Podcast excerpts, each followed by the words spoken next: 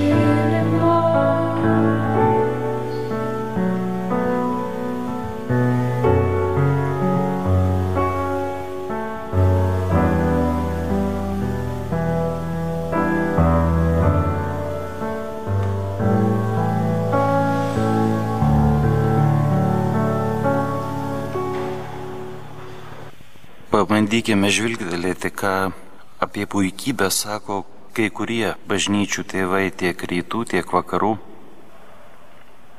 Puikybė, sako jie, beveik vienbalsiai, tai žmogaus visų įdų pradžia. Tai lyga, kurią labai sunku gydyti. Šią lygą, šią nuodėmę bažnyčios tėvai vadina šeitono sėklą žmoguje. Išdidumu prasideda kiekviena nuodėmė. Būtent jame, išdidume, randanti atramą. Ši aistra šeida pavojinga tuo, kad atsėlina nejušiomis. Atpažinti jos radimosi pradžią labai nelengva, ypač mūsų laikais, praktiškai visiems aplink užsikrėtų šiuo susirgymu. Štai ką apie tai rašo įgumenas Sabas arba Sava. Pradinėme tarpsnėje išdidumą būna sunku atpažinti. Tik patyręs nuodėm klausys arba psichologas gali neklyzdamas nustatyti šios aistros radimasi. Žmogus elgesi tarsi normaliai, bet patyrusi akis išvelgia lygos pradžią. Žmogus patenkintas savimi, jis visada gerai nusiteikęs, dainuoja, šypsosi, dažnai juokiasi, kvatoja, bando būti nuolat originalus, nuolat šmaištauja, įvairiais būdais stengiasi patraukti dalyvaujančių dėmesį, mėgsta daug kalbėti, Jo pokalbėje nuolat girdėti aš. Bet nuo vieno nepalankaus žodžio nuotaika greitai keičiasi. Jis suglemba, o nuo pagirimo vėl pražįsta kaip roza majelis ir ima skrajoti kaip drugelis. Argimandirtas Jonas savo rinkinyje parankinė knyga vienuoliams skyriuje septynios netyrosios dvasios nagrinėja išganytojo palyginimą apie iš žmogaus išėjusią netyrąją dvasę. Kaip žinome, tame palyginime žmogus iš savęs išvaro aistrą. Tačiau siela po aistros išvarimo negeba prisipildyti šventumo ir tada joje apsigyvena septynios netyrosios dvasios. Čia tas pasakojimas yra dykumos tėvų apie žmogų, kuris pagydė save. Ir arkimandritas Jonas pastebi, kad tai neatsitiktinis skaičius tos septynios netyrosios dvasios. Skaičius septyni simbolizuoja pilnatvę, o tame palyginime atspindi visiškai realias septynes aistras arba įdas, kaip mes jas vadiname. Ta labai gerai matyti puikybės raidos mechanizmas. Viskas prasideda paprasto noru pagirti save už gerą darbą, pavyzdžiui. Pavyzdžiui, už tai, kad pats išsivadavau iš savo blogio. Ir čia jau prasidėjo puikybė. Kiekvienas, kuris susidūrė su puikybė, analizavo, kaip jie atsiranda žmoguje, maždaug žino tą kelią, kurį nukeliauja ši lyga, ši įda į mano širdį. Ir čia tik noriu pacituoti arkimandritą Joną, kuris labai gražiai piešia puikybės kelionės į mano širdį schemą. Sakykime, nuodėmė nugalėta, valio, polinkis, sakykim, narkotikams išvytas iš mano širdies. Aš triumfuoju, dėja neilgai Aš nespėjau skirti vieto šventai dvasiai išvalytoje savo širdyje. Aš taip stengiausi pats, taip stipriai ir graudulingai prašiau Dievo pagalbos. Taip nuoširdžiai ir ilgai mėgino man padėti mano artimieji, visai ir pirmiausia jungtinė savo malda. Ir dabar šramiai ir nedrumšiamai ilsiuosi Tačiau čia netyroji vartojimo dvasia paklajoja be vandenėse vietose ieškodama poilsio ir neranda patyliukais grįžta.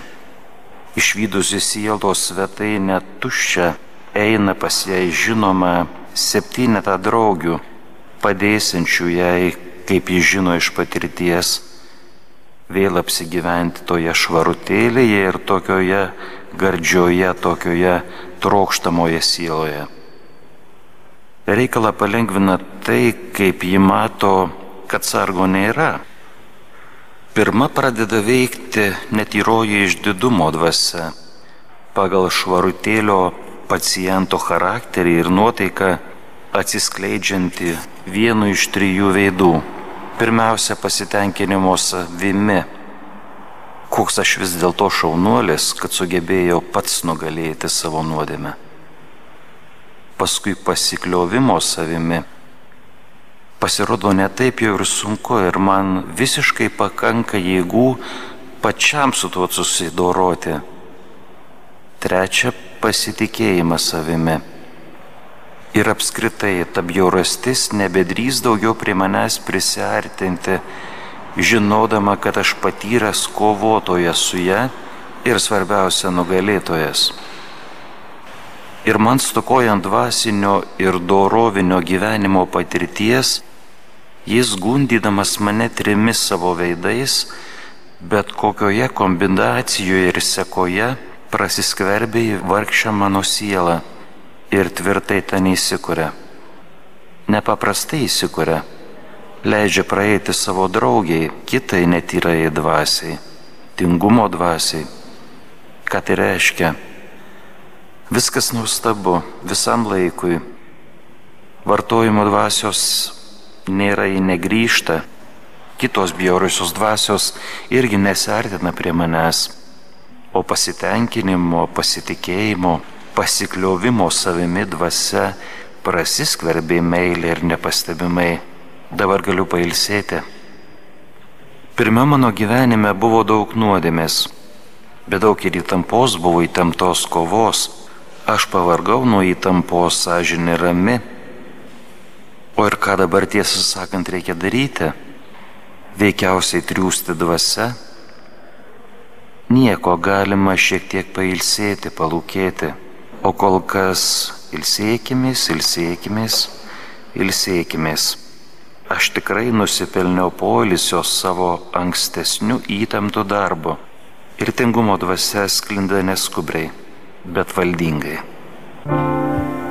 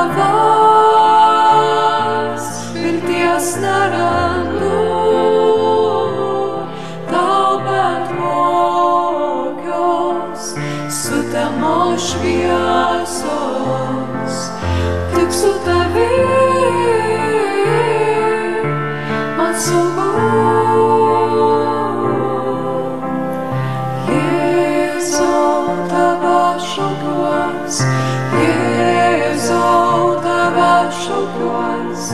Yeah.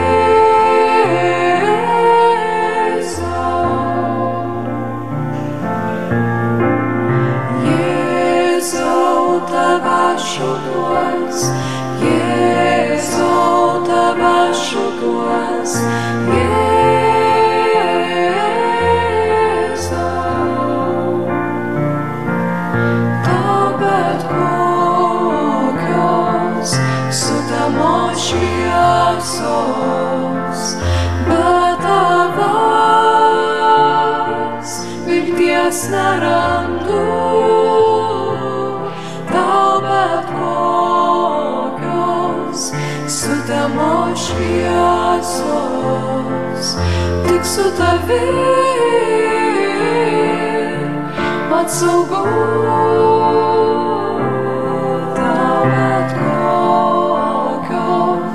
Sutamo šviesos.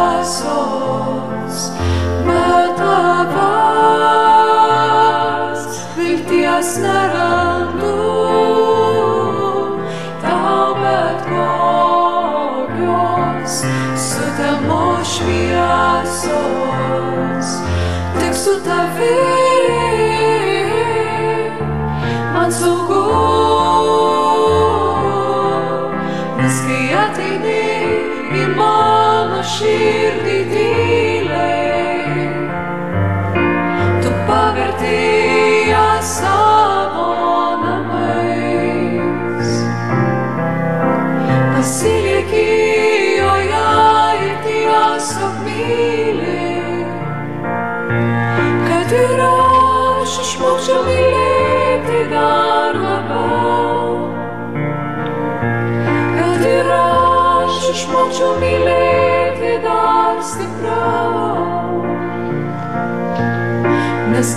Martini.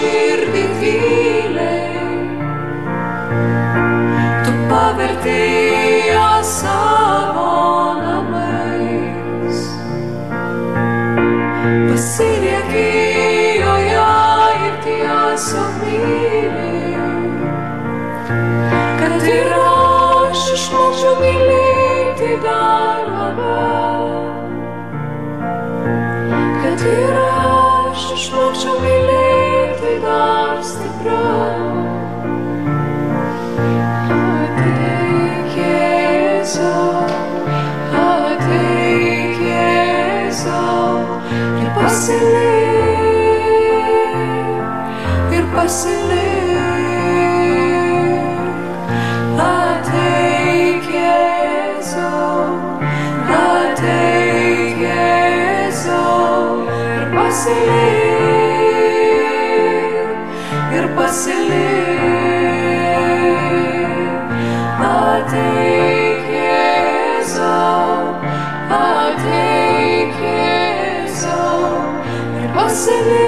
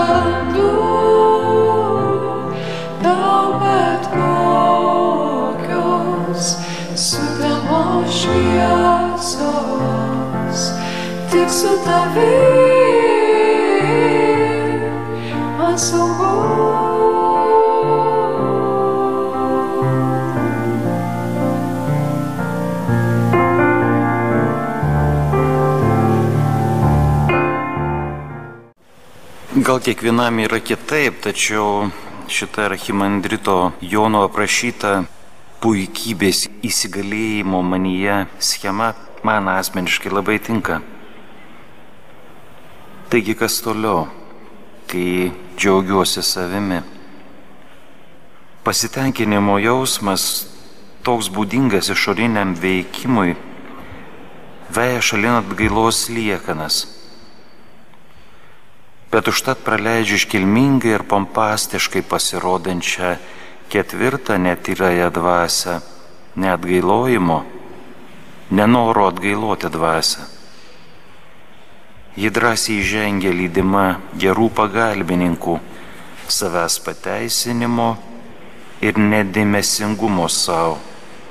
Daugybė kasdienių trūkumų matydami gali laisvai brautis netrūdomi prasiskverbia į sielą ir neištikti atgailos daro savo ardomąją veiklą. Stambesniems trūkumams čia pat randama atleistinų priežasčių. Vyksta nuodugnus kalties už nuodėmės apmąstymas arba kitaip savęs pateisinimas dėl nuodėmių. Neteidamas bažnyčioje iš pažinties, dažniausiai tokios paviršutiniškos, mūsųse turbūt dažniausiai prie klausyklų tokios pasitaiko, aš iš esmės lieku net gailojęs. Prarandu šį ginklą prieš save, prieš tą dvasę. Net gilojimas pats savaime gali pritraukti iš bevandenių vietų bet kokių netyrųjų dvasių. Bet jos daug patyrusios, todėl žino, kaip veikti, kur patogiausia suduoti stipriausią smūgį. Jį suduoda paskesnė netyroji dvasia, nedėkingumo dvasia kuriai beje visiškai natūralu užimti vidurinę vietą ten, kur jo apsiprato pasitenkinimas savimi, nemaldingumas, neatgailojimas, tingumas. Ši dvasia labai klastinga, apgaulinga ir pagėžinga. Ką jų užvaldo, tas tampa daug ko tolimas šventosios dvasios veikimui ir negirdi jos pamokymų netyroji dvasia apsigyvena manyje ir aš rytuosi į bedugnę. Būdamas nedėkingas, aš nieko gero negaliu išvelgti nei Dievo, nei žmonių veiksmuose, nors jie gailestingai skuba man į pagalbą, bet aš viską priskiriu savo.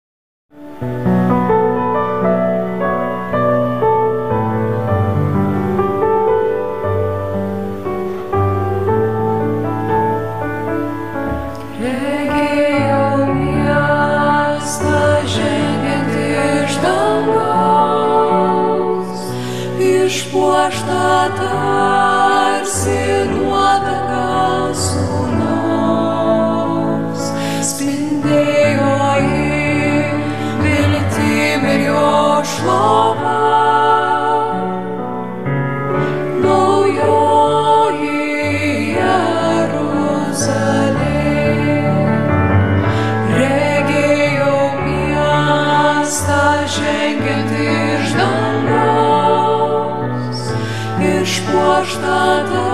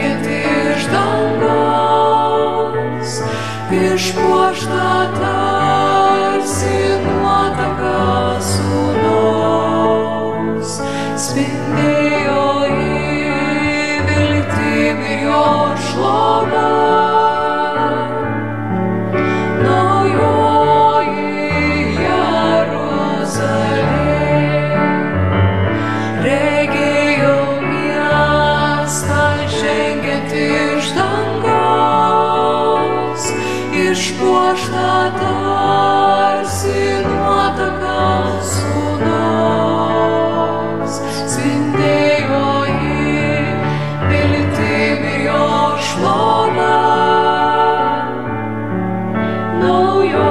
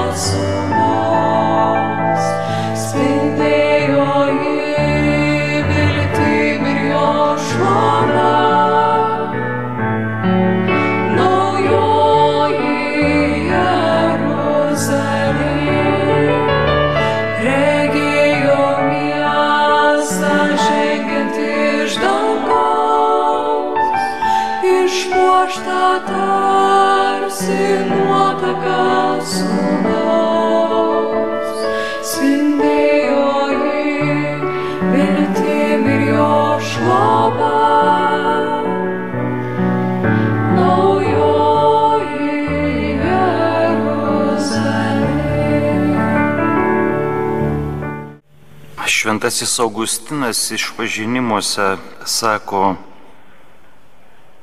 Tu viešpatie privertęs bijoti tavęs, numalšinai mano puikybę ir pripratinai prie savo jungo mano sprandą. Ir dabar aš jį nešioju ir jis man lengvas, nes tu tai pažadėjai ir įvykdai. Toks jis iš ties ir buvo, bet aš nežinojau, kaip bijojau jį užsidėti. Viešpatie, duok mums atvirumo, nuolankumo ir gebėjimo žavėtis ir pastebėti tavo veikimą mūsų gyvenimuose. Tavo stebuklus, kuriuos darai mano šito žemės kelionė kiekvieną dieną, kiekvieną minutę. Leisk man pažiūrėti į save tarsi iš šalies ir svarbiausia leistis veikti tau manyje, leisti tau veikti mano širdį, mano jausmus, mano protą, mano poelgius ir išlikti dėkingu tau.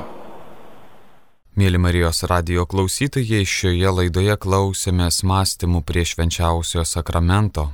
Kalbėjo kunigas Vytautas Langas, įrašas iš naktinės švenčiausio sakramento adoracijos Vilniaus Dievo gailestingumo šventovėje. Likite su Marijos radiju.